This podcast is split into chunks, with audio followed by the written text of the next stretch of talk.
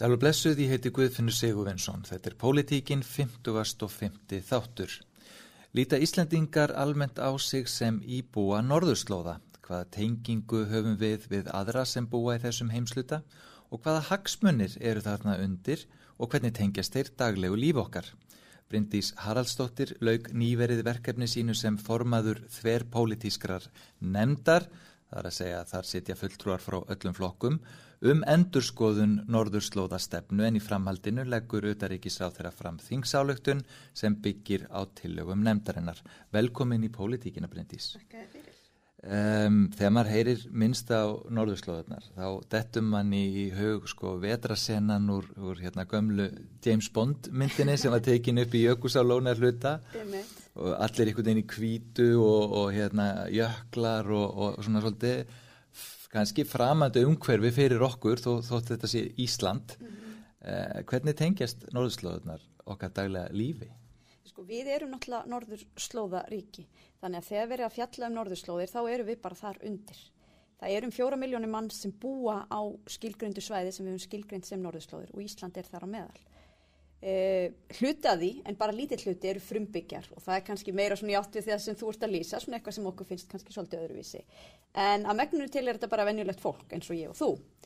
Þannig að í rauninni fjalla norðurslóðamálinn bara um það hvernig við ætlum að búa hér og hér til framtíðar á þessu svæði sem er það svæði í heiminum sem er að taka hvað mestum breytingum og þú nefnir jú upp James Bond, ég hef stundu sagt að sko þetta er ekki bara íspilnir hérna að bjarga sér sko á sundi, þetta er raunverulegt fólk sem býr hérna. Og þess vegna held ég að sé svo mikilvægt að þjóð eins og Ísland sem að það sem við búum hér á Norðurslóðum séum hávær og mikilvæg rött þegar kemur á Norðurslóðamálum. Því það vill nefnilega stundum verða þannig að þegar við erum að ræða þessa málaflokka, eða að segja í stórum höfuborgum heims, hvort sem að það sé út í Brussel eða kannski út í Washington eða í Moskvu eða eitthvað, að það sé horta á þetta kannski þessum augum að það er mitt, þetta er ís að brána og einstakka íspjötn og svo er kannski hérna eh, einhver frumbyggi þarna meðal, en það er ekki svo leist. Þetta er í rauninni bara snýst um það hvernig við ætlum að komast að á þessum aðstæðum sem við búum svo sannarlega við. Norðurslóðir ruggla svo litið í heimsmynd okkar vegna þess að heimsmyndin sem að við höfum í huganum er atlaskortið sem er búið að kenna okkur á og, og þar er Evrópa einhvern veginn í miðjunni, Amerika til vestus og svo koma Sovjetríkin, Kína og svo Afríka og, og þauðland til söðus og, og þannig horfum við á heimin í huganum. Mm -hmm. En á þinni skrifstofu er einmitt kort af norðurslóðunum og mm -hmm. þá einhvern veginn blasir þetta við með allt allt um hætti og þá er einhvern veginn öll þessi stórveldi rússar og kínverjar og, og bandaríkjamenni gegnum Alaska, Kanada öll þarna eins og í kringum ringborð eins og -hmm. Ólaf Ragnar hefur kallað mm -hmm. þetta ringborð norðurslóða sitt frábæra verkefni og svo eru við þessar litlu þjóðir hérna Noregur, Ísland, Færæjar og svo framvegis þannig að þetta setur einhvern veginn svona heiminn í allt allt annað samegi það er það sem gerir náttúrulega líka svona þessa sín mjög spennandi mm -hmm. en þetta getur líka kannski breytt breytt í svona til framtíðar hvernig við horfum svo bara á Ísland sem land þar sem að miðjan er núna einhvern veginn höfuborgarsvæðið Reykjanestáin, Þa, mm -hmm. það er nú kannski bara það sem að maður sér sem leiðandi byggð en það búa hér flestir en, en nú er til dæmis í tengslu við Norðurslóður verið að ræða til dæmis um stórskipahöfni finnafyrði mm -hmm. sem að hefur nú ekki verið svæði sem er reglulega rættum í, í fréttum og og þá er allt í norðausturland sko orðin fyrsti viðkomustæður mm -hmm. uh, eh, finnst þér líklegt til dæmis núna að, að það verði af til dæmis slíku verkefni eins og stórskipa höfni finnafyrði og þurfum við að fara að hugsa um það að, að við séum um mitt í þessu tilliti kannski að fara að keppa við Noreg, norðurlita Noregs mm -hmm. sem við hefum ekki beint svona litið á okkur í samkeppni við Sko, ég ætla nú aðeins að byrja mitt á þessari fallegu mynd sem að mér finnst þeirra inn á skrifstofni hjá mér. Það er að segja út af landakorti eins og segir. Við erum bara vöna að horfa á það þannig það sem Evróp er eitthvað nefn fyrir miðjunni, sko. Mm -hmm. En ef þú horfir í mitt ofan á kúluna, þá er þetta myndin sem hún sér. Og við höfum kannski gegnum tíðina ekkert verið að velta því mikið fyrir okkur því hún hefur verið fulla ís. Þess vegna er allt í lagi bara að horfa á miðjuna. En það er það sem er að breytast og það er það sem að breytir öllum struktúrum og svona geopolítikinni svo kemur inn á. E Og út af því þú nefndi nú Kína hérna áðan í, í upptalningunni, Kína eru ekki norðurslóðaríki en þeir hafa verið svona já, þeir hafa vilja að kalla sig, þeir hafa til dæmis sett sér fram sína stefnu og það er reyndar mjög áhugavert að mjög mikið af Asjuríkjónum hafa sett sér stefnu um norðurslóðamál án þess að vera norðurslóðaríki. Mm -hmm. og kínverja fóru þá leið að kalla sig sko Near Arctic State. Þetta fóru auðvitað óðbóðslega í töðarnar á bandaríkjamönnum eh, sem að sko gerði alltaf grína þessu og svona fannst þetta þarna vera kínverjar stórveldi svona svolítið að færa sinna slóðu sem þeir ætti ekki erindi En það eru auðvitað þannig sem sagt að, að við erum þarna á Norðurlöndin eh, sem Norðurslóðaríki og sitjum í Norðurskautsráðinu og þar eru Danir líka en, en þeir eru þarna út af Grænlandi og svo eru Bandaríkjaman og Kanada, Kanada og, og Rústland. Þannig að þetta eru auðvitað svolítið svona stórvelda pólitík og við kannski hérna Norðurlanda þjóðuna með. Eh, ástæðan fyrir því að Asia eh, og Asiuríkin eru að sjá þetta sem tækifæri kunna að vera ímiskonar en ég held að snúist fyrst og fremst um það að fluttningsleiðin frá Asíu til Evrópu getur styrst þarna um 40% mm. og þegar Asía er orðin uppspretta í rauninni stórsluta til framlegslu vörum og við sjáum það núna í heimsfaraldri og ég tala um þegar eitt skurð, skipaskurður stiplast að þá, þá verður bara stipla í öllu sko vöruflæðinu til heimsins að þá er þetta auðvitað gigantist hagsmunamál þannig að þeir, með bránun ísins að þá er hægt að sjá fyrir sér uh, siglingarleið þannig gegn og það er auðvitað reyndar hægt að fara sko bara norðaustur og norðvestulegur í dag en, en svona þegar við erum að tala um mögulega finnafjörði eða Íslandi í einhverju miðju þá erum við kannski bara að tala um að ísins er svolítið farið og það sé hægt að sigla þarna í gegnum bara norðuskauti mm. Og þannig kemur hugmyndunum Finnafjörð uh, fram uh, og ég til dæmis veist ekki hvað Finnafjörðu var fyrir en ég fór að skoða þetta og það var mjög áhugavert í, í ringverðin okkar þegar við keirðum þarna og, og það var enda lítið að sjá akkurat þá því að það þóka. Sko það eru bæði sveitafjölu á svæðinu og, og, hérna, og aðilar sem að hafa uh, sínt þessu mikinn áhuga og unni töluverða grunnvinnu. Þú spyrir mér, finnst mér að líklegt, veist að ég veit það ekki. En mér finnst allavega sjálfsagt að þeir sem sjáu tækifæri í því vinni áfram að því. Og ymmit þá er þetta orðið spurningum það, eh, þú veist, við erum verið að horfa á Nóri og hefur líka séð svona fyrir sér, að þetta snýst þá um það í rauninni að þetta sé svona umskipunarhöfn. Mm -hmm. Þegna þess að þú þyrtir sko öflur og meiri skip til að sigla í gegnum norðurskautið, þau eru dýrari og þingri og allt það og það, þú myndi þá skipta yfir í einhver, hvað ég var að segja, léttari eða minni hérna flutningaskip þegar til Íslands var í komi og þannig getur silt með áframinn á Evrópumarka. E, þannig að ég, runinni, ég veit ekki hvað er þið en, en það er alveg ljóst að ef að þetta er þið, þá er þetta sko svo gigantíst breyting fyrir norðausturlandið e, þar sem að hefur náttúrulega verið mikil fólksvækkun og atvinnulífið mjög takmarka og svona þannig að það er bara það er algjör umbylting fyrir þetta svæði. Og bara byggðaþróun í landinu almennt. Algjörlega, algjörlega. Já. Þannig að ég sætt bara frábært að fólk vil vinna og sér þarna tækifæri, mögulega að fara í einhverja fjárfestingur hana. Það er frábært. En í þessari vinnu okkar, þá voru við kannski líka mitt fyrst og fremst að hugsa um fólki sem hérna býr.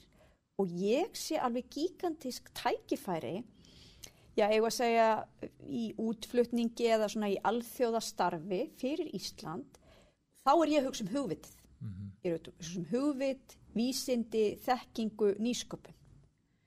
Uh, og þú nefnir hérna Ólaf Ragnar sem að stegu þetta ofbúslega mikilvægt skref með þessu ringborði Norðurslónu. Hún hefði tekist alveg ótrúlega vel upp og ég held að við Íslendingar höfum svona fyrst þegar hann var að byrja þessu svona verið, hvað hva er þetta, þú veist. En svo höfum við séð á, við sem höfum mætt í hörpu þegar þessi rástefna hefur átt sér stað, höfum átt okkur á því hvað þetta er gíkandi stórt og hvað er að koma mikilvægir aðilar að borðinu og vilja taka þátt, sjá hagsmun í því. Og þetta er ekki bara, sko þetta er ekki bara pólitíkusar, þetta eru vísindamenn, þetta eru alls konar hagsmunasamtök, náttúruvendarsamtök og annað þess aftar og fyrirtæki mm -hmm. sem sjá haksin í því að vera að horfa í þess átt vegna þess að sjá tækifæri.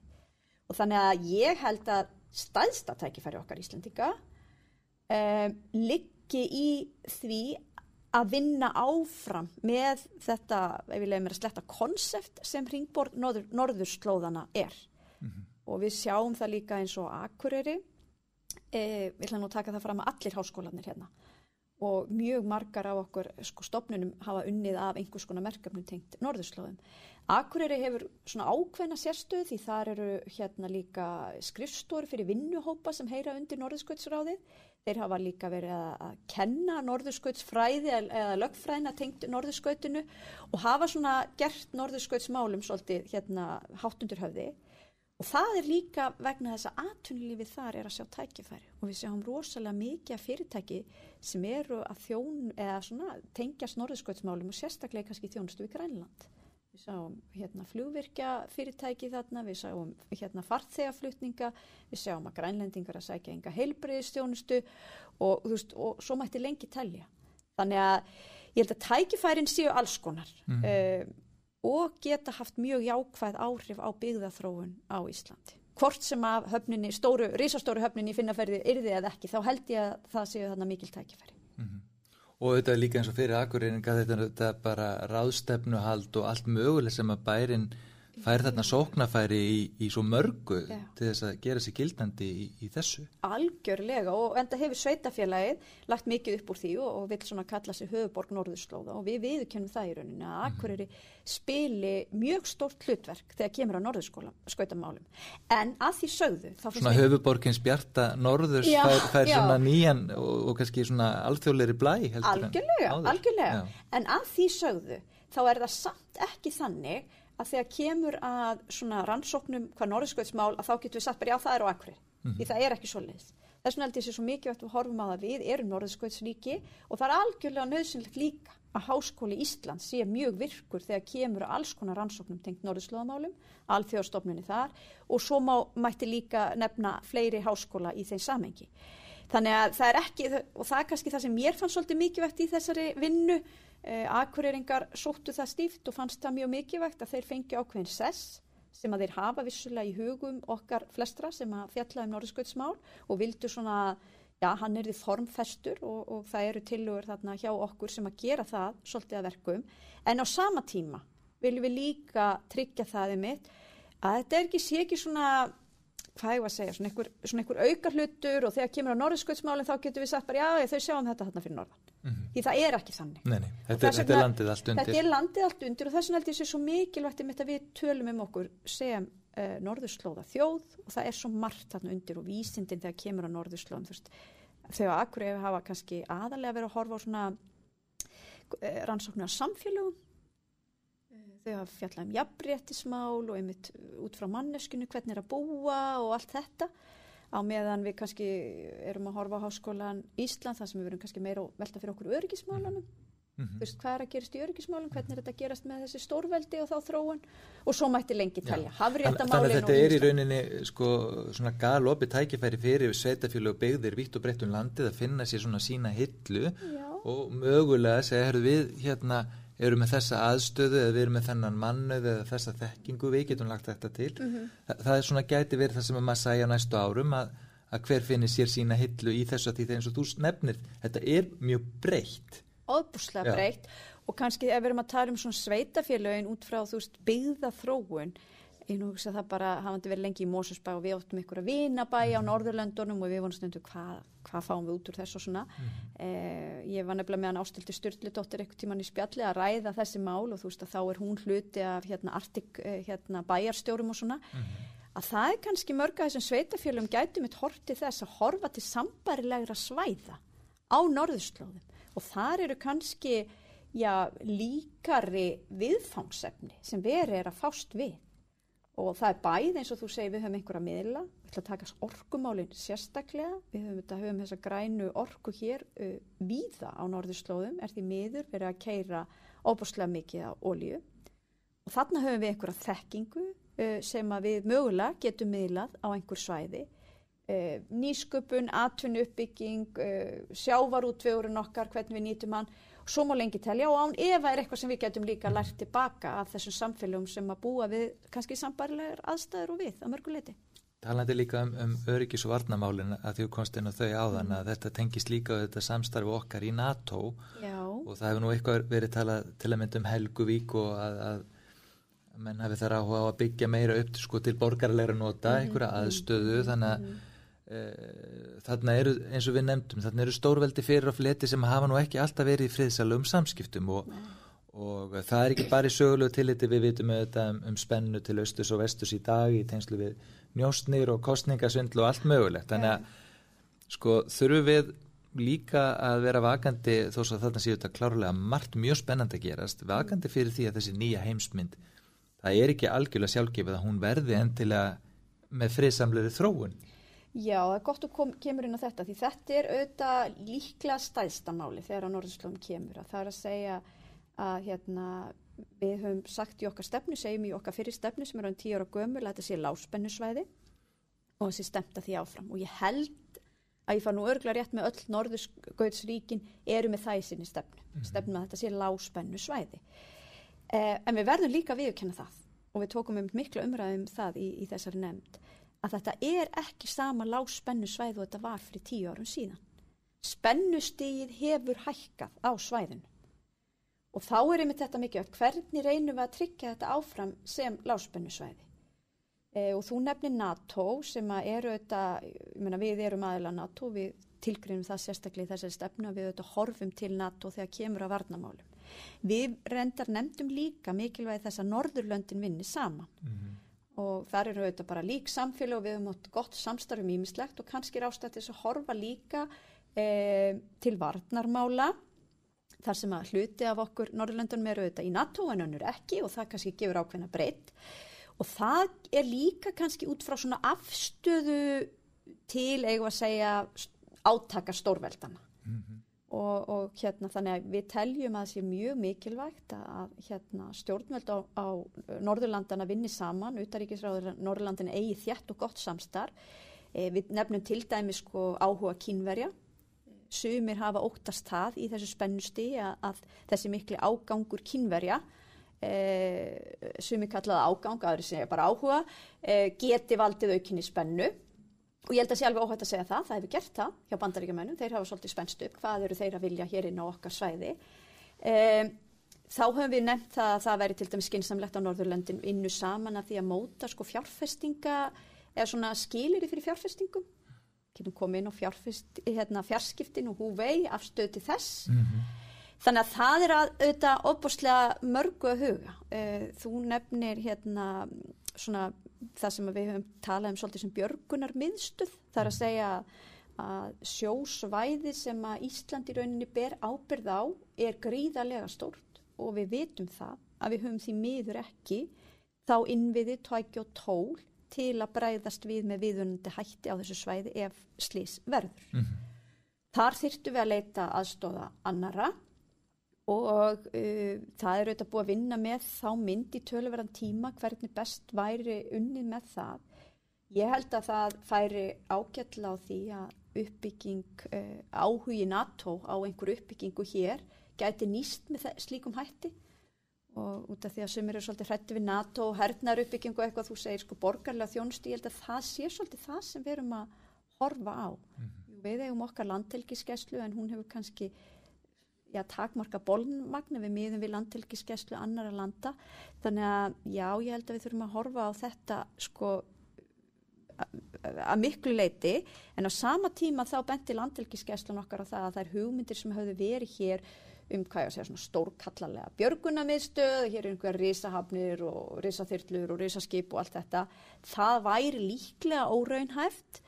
Um, en aftur á móti þá kemur ég aftur á hugvitun og þekkingunni að við Íslandingar höfum óbúslega mikið þekkingu þegar sem kemur á svona samþætting mm -hmm. og mhm. samhæfingu. Mm -hmm. Getur ég tala um almannavarna má núna, hvort sem það séu eldgós eða, eða COVID-19 og við sjáum það að við erum með mjög sterka innviði þegar slíku kemur. Og þar gætu við, kannski það gæti verið okkar framlag þó að kannski svona ég var að segja risastór herskip eða eitthvað annað sé einhverja annara en, en svona samhæfingin og stjórnunin gætum við örgulega lagt tölvert fram þegar þessu kemur. En uh, það sem getur líka sett okkur í klemmu þarna, það eru auðlindir á svæðinu, gríðarlegar auðlindir í, og það er þetta að telja þær upp í, í löngum álinn en kannski það sem að maður sér svona út frá því sem við erum að hugsa hér í okkar samtíma að mm. við erum að leggja áherslu núna á græna orku, það eru vassapsvirkjanir, það verður horf til orku skipta út uh, bensínbílum fyrir hérna, rafbíla mm -hmm. þetta sem að svona allir að hugsa í dag með tilliti til oslagsmála mm -hmm. uh, við erum, svo er það fiskveðu auðlindin sem við byggjum allt okkar á og það, það byggir þá líka á því um leið að hafið sér reynd mm -hmm. og það var hans í fesk og hún sé eftirsótt og, og þá komum við að því að þarna er einhver sig líka vita að þarna er ólja. Þannig að þetta getur orðið býstna flókinmynd sem að mun mögulega leta okkar innanríkis stjórnmál eða okkar uh, pólitík hér heima mjög mikið á næstu áratugum við það að svara þessum spurningum. Það getur komið freistni vandi mm -hmm. og það getur líka orðið til þess mögulega við skiptum einhvern veginn um kurs og þarna geta alls konar hluti stangast á. Já, ég minna það máli búast við því. Þetta er í rauninni sko hápolítist mál þegar við ræðum norðurslóður og alla vinkla þess og auðlindamálin, auðlindanýting eru auðvitað eitt af því. Um, ég segi bara fyrir mitt leiti og það er bara mín persónlega skoðun að, að ég minna á sama tíma og við erum hér að stefna því að, að e, fasa út mm -hmm. jarðefna eldsneiti. Þá er ég ekki alvað að skilja á sama tíma ætlum við að fara sko bór eftir því og vinna það. Mér, mér finnst það nú ekki fara alveg saman og þá hef ég sagt fyrir mittleiti að það breytir einhver þetta erðvarna, þessu auðlind og ef einhver tíman kemur til þess að komandi kynnslóðir finnist það algjörlega nöðsilegt af einhverjum ástæðum sem ég er ekki alveg að sjá fyrir núna að þá er auðlindin að hún hefur ekkert farið mm. um, en það er eitt sko að við myndum taka ákvörnum það eigum við að halda áfram hérna einhverju tilhörnabórum og skoða þetta með oljuna. Og nú ítrekka ég það að þetta er bara afstæða mín þetta er ekki afstæðan til að sjálfstæðisflokksins. Um, að þá er það sko allir hinnir og það er nú kannski rússar sem að svona já, jú, grænlendingar kannski einhverju leiti, rússar auðvitað hafa verið að vinna bæði gas og olju og hræðslan sem sagt er, varðandi þetta er vegna þessa mengun á norðurslóðum í köldum sjó er miklu erfiðar að vinna með heldur en annar stað. Mm -hmm.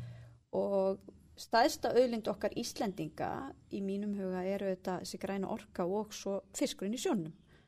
Hann eh, getur auðvitað silt hvert sem er og auðvitað þessar breytingar í hafi eru auðvitað að hafa miklar áhrif á það og við auðvitað fundum um sérstaklega þessari vinnu með hafrannsóknarstofnun og ég svona verandi engi vísumdamaður spurði þau bara vitið eitthvað um þetta sko mér finnst einhvern veginn eins og þekking okkar á hafinu sé mjög takmörguð mm -hmm. auðvitað eigum við e, frábæra vísindamenn sem hafa skoðað ímislegt en það er rosalega mikið sem við vitum ekki mm -hmm. Og þeir eru til dærulega fáir miða við það að við séum e, þjóð sem að stólar þetta það mikið á hafið að þá eru þeir alveg fáranlega fáir þessir hafréttafræðingar okkar já, og, já.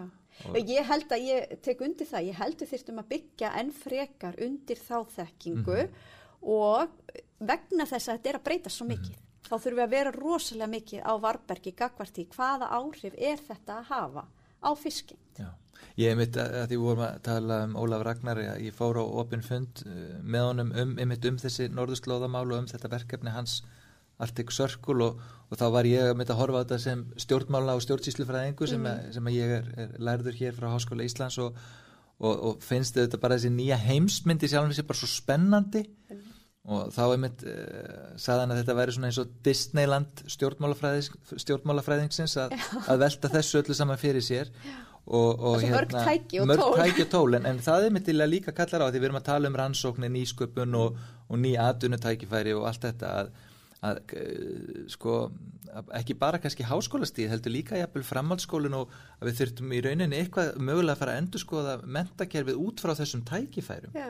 Að, að beina fólki aðeins á því áttið ykkur ákvarði búið. Mm -hmm. þetta eru okkar hagsmunir, þetta eru okkar heimsmynd og að því að, eh, að því þetta er ekki, ég hugsa að þú færi með þetta mikið út í kostningar til dæmis núna fyrir þessar alþingiskostningar bara í bakaríði Mosó eða það sem já, þú býr já, já, að þá, þá myndur sennilega mæta frekar tómum augum, fólk, þetta er ennþá mjög fjarrri almenningi á Íslandi og, og er það ekki það sem þarf að gera þá svolítið núna næsta árum að koma þessu inn í vitunduna og ymitt inn í mentakerfi til að geta undirbúið fólk fyrir öll þessi verkefni sem kunna skapast. Ég, ég tek undir þá, ég held að það sé sko, ástæðið við þurfum svolítið að tala um þetta. Af þú nefnir hérna uh, fund sem ég held að þið hefði haldið í sjálfstæðisfélagin í Garðabæ það sem að Ólafur Ragnar kom. Ég held að það hafi verið cirka ári áður þá voru við í kostningabaróttu og ég var þarna á samt Sýri Andesen og við, það var opinn fundur. Og var svona, þá er ég bara búin að setja eitt ár þing, á þingi sem sagt frá 2016 til 17 þegar þarna svo stjórn sprakk. Og ég spyr já hvað ert þú búin að vera að gera á þingi og hvað svona áhuga hefur þú? Og ég segir já ég var í umhverfis og samgöngunemnd og utanríkismála nefnd og svo hefur ég hérna í vestnorranir og allt þetta hefur svolítið samin að áhuga minn á norður slóðamálum og mikið við þess. Og svo segi ég ykkur og svona nokkra setningar um það og ég sá bara hvað, þú veist, hérna, allir sopnuðu bara og eitthvað sagði, Bryndís, látt ekki svona eitthvað norðurslóðamál, þeir rættu nú um eitthvað sem að, máli skiptir. Þannig að ég verð nú að viðkjanna, ég var rosalega glöð því að sjálfstæðisfélagi Garðabæ þó ekki nema árið setna var þá búin að fá Ólaf Ragnar til að ræða um norðurslóðamál. Og það kannski sýnir þessa vitundavakningu. Mm -hmm. Og ég hef nú sagt það við, þú veist, fólk sem er að vinna með norðurslóðamálum út af því ég tala nú oft bara hreint út ég var í stórum fundi á Akureyri og þá hérna sagði ég sko já þegar ég byrjaði að skoða þetta hérna fyrir nokkrum áru síðan þá fannst mér þetta nú eiginlega bara að vera þið nördarnir sko. Þetta var bara svona rosalega lítill hópur sem hefði verið að stúdera þetta og allir þekktu alla og svona og lítill heimur. En þessi heimur, norðurslóða mála áhuga fólk sem norðurslóði, vísindamönnum fyrirtækjum sem er að skoða þetta er bara að stækka svona það er kannski að líkilatri að við eigum að vera stór hluta þessu og sjá þessi tækifæri. Þú nefnir hérna skóla, ég menna Vestlunarskóli í Íslands hefur verið sérstaklega námsbröð sem eru svolítið hort til þessa. Ég veit að landbúnaðarháskólinn er með áhugavert nám svolítið sem tengist norðurslóðum. Þannig að það er að kvikna ljós mjög víða. Og margi geta núna haft tækifæri til að verða brautriðendur í fræðastarfi og leiðandi og, já, já, já, fullt að tækifæri. Marka djúb spór. Já og ég meina, mér langar svona líka að nefna hérna sko Grænland út af því að þetta er svo opbáslega fallet land hérna nálagt okkur og, og utaríkisráður held ég hafi gert mjög vel í vinnu sína þessum tímabili að annars vegar að þá eru við þess að í formensku í þessu norðurskautsráði og við höfum nýtta vel þrátt fyrir sko COVID hafi svolítið stoppað okkur og hann setur á stað þessa vinnu uh, og við höfum skilað okkur eins og sagði hérna aðan og svo sett hann líka á stað vinnu um að skoða sérstaklega Grænland og tækifæra á Grænlandi Það er enda rosalega þykk skísla, Össur Skarpjensson hérna leiti þann hóp en, en í honum voru líka óttar og, og, og unnubrá sem við þekkjum nú vel hér úr þessum flokki og það er líka verið að sína opbáslega mikil tækifæra. Þetta er auðvitað norðurslóða mál en það er verið að horfa sérstaklega til Grænlands og mér finnst ég sjá aukin áhuga hér á Íslandi á ymitt stjórnmálum og því sem er að gerast í þessum helstu nágrannlöndum okkar. Nú er nýverið búið að vera kostningar í, í hérna Grænlandi það sem að mútekunningi minn uh, hérna vann mikinn sigur og þar var við að takast á um öðurlindir mm -hmm. og hérna uh, það er alveg ljóst að ég menna Grænlandi er mikið af alls konar málmum og það er talað um svona rare earth hérna metals eða svona sjálfgæfir málmar sem er kannski verið að nota í síma eða einhver svona þessi hátækni mhm. hérna mm -hmm. tæki okkar Þannig að grænlendingar eru líka svolítið bara óbúslega vakandi núna fyrir því að það er mikið að tækifærum en líka óbúslega mikið á varbergi gagvart því að þeir eru undir dönum í dag. Margir þeirra vilja sjálfstæði en þeir vilja ekkert eitthvað nýtt stórriki komi yfir, þeir vilja ekki að Trump kaupi landið eins og gert að grína hérna. Mm. það hefur sett okkur Íslendinga í mjög áhugaverða stöðu því að almennt njótu við svolítið tröst uh, og það eru margir sem hafa fetað sig áfram í alls konar þjónustu. Við sjáum verkfræðifyrirtæki, við sjáum byggingaraðila, við sjáum ferðaþjónustu og örgla fleiri. Mm -hmm. en á sama tíma verðum við að sjálfsögða að fara varlega og, og ekki stíga of stór skref og, og gera þetta allt í sátt og samlindi við, við grænlendinga. Og það, út af því að tala um skólana, ég, ég langar svo að sjá það að hérna að framhaldsskóla nema fari bara í reynlega í skipti program yfir til Grænlands og Færi og og sjáu tækifæri hjá þessum litlu þjóðum sko. Já og binda, binda þessar tvær þjóður sama sem að þetta, eru hlið við hlið en, en gjáinn stundum alveg fáranlega djúpa á milli en kannski að því að þú varst nú að tala um þennan fundi í Garðabænum og, og ég var að nefna þarna undan uh, möguleikana ófriðsamleiri þróun á norðurslóðum að mm -hmm. þá er máttur þeirra einhvað síður slíkur að, að maður hefur séð það að sko Garðabæja sjaladnir þeir horfðu á Ólaf Ragnar í, í slíkum ljóma þegar hann var að tala um, um norðurslóðunar og, og ég hef séð mjög margt af, af okkar fólki sem er framalega í okkar sveit sko fylgja honum mjög hérna, einarðilega að málum í, í þessu málaflokki. Já. þannig að það er alveg gríðalega gott samstarf þar. Þannig að ykkur tíman hefur það þótt nú eftir næsta bæjar að, að það væri komið á nánast eitthvað platónst ástasamband millir Sjallana og Ólafs Ragnars. En þetta er auðvitað bara verkefni sem gerir þetta verkum að, að við sjáum, sjáum þetta með svipiðum augum og, og talandi um þá það sem bindur fólk saman að það er menningssvæðisins og mhm, mannfólkið. mm -hmm. eh, mannlífið öllu heldur. Eh, fólkið á, sem byggir svæðið. Eh, ég veit að þú ert eh, áhuga sem ymmit um þetta og við vorum að tala um Grænla, Grænland okkar næstun ágrana svona rétt í lokin. Sko hvað er, við, þetta eru bísna ólík svæði, einhver síður og, og, og hvað er það sem bindur okkur saman nú þegar og hvað kannski þurfum við að gera þarna til að svona búa til sameinlega vitund eða, og sjálfsvirði og sjálfsvirðingu sem, sem eitt svæði. Sko ég held að við séum að gera rosalega mikið í því án þess að við kannski áttum okkur á því. Og þegar ég sast inn í vestnorrana ráði sem er sem sagt, samstarf eh, þingana á Íslandi, Færiðum og, og Grænlandi að þá vildi ég strax fara við að mér upplýsingum og fór þá líka svolítið horfuna á þessi norðurslöðamál og hugsa já, já, hér eh, algjörlega tækifæri til að gera margt sem það vissulega er, en það kom mér í rauninu óvart hvað voru, hvað var upplugt samstarf á svona ólíkum kannski sviðum, eða þú veist eins og ferðaþjónustan hafi tölvert verið með einhverja ferðaráðstefnur og annað, menningaviðböðnir, Norðurlanda hérna húsin e, á, í þessum löndum hafi reglulega verið með samskipti um síningar og aðra viðburði og annað, við erum með bókmentavelun og ímislegt. Eh, við höfum kannski svolítið vilja íta ennþá frekar undir í mitt svona ungmennaskipti og, og, vorum svolítið að reyna að vinna í því að taka með okkur ungmenni og, svona ekki alveg búin að finna eh, kannski rétta taktin í þeim efnum en ég held að það séu sko vissulega sko tækifæri í því líka og ég, ég er náttúrulega að nefna líka í þessu því að þeir eru með okkur í vestnorrannaráðinu og, Mhm. og kannski að mörguleiti viklu líkar Íslendingum um, þar er sjávarútvegurinn uh, opbóslega stór, þar er fiskeldið orðið bísna stórt og ímislegt sem við getum lært örgla að færingum hvað fiskeldið varðar. Uh, landslægið er, er, er líkt uh, okkar og þar leðandi sko, uppbygging ferðaþjónustu og annað, ég held að færinga til dæmis hafi gert sko, besta markas herrferð í heimi þegar þeir lokuðu eiginni veit ég hvort þú mannst eftir því, það var closed for maintenance og þeir fengu aðtíklin átt út um allan heim, fengu fullt af sjálfbúðaliðum til að koma og leggja göngustíga og, og hjálpa til við þetta og þetta var þetta flottast í heimi að fá að fara til færi og hjálpa til við að leggja göngustíga frít og, og svo var þetta líka rosa auglýsing. Þannig að tækifærin eru sko mjög víða, svo horfir á Grænland sem er náttúrulega svo í mínum huga algjörlega stórkostlegt en, en svo sko, þú veist já, það er eiginlega valla til að orð til að lýsa þessu sko, en þú veist hérna jökullin og, og þú veist þessi kuldi og, og þessi fegurð sem eru auðvitað svolítið öðruvísi, þetta er meira svona eins og kemur hérna upp á hálendi á Íslandi sko.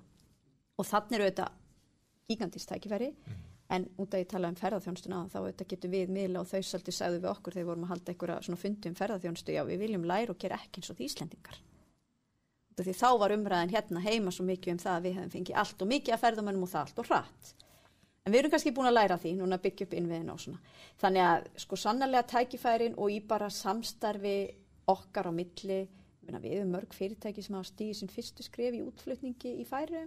Það er ákveð, hefur oft verið Íslandi góðu pröfumarka, svo tökum við stökki á færi áður en við höldum áfram. Þannig að tækifærin eru svo sannarlega til staðar. Og við finnum að þegar við fyrir að ræða þetta þá, þá finnum við allt í einu fyrir þessari sameinlegur taug þegar Já. við fyrir að tala um jöklana og landslæðið og umhverfið, allt sem við eigum þetta sameinlegt fyrir utan, fyrir utan menninguna þetta.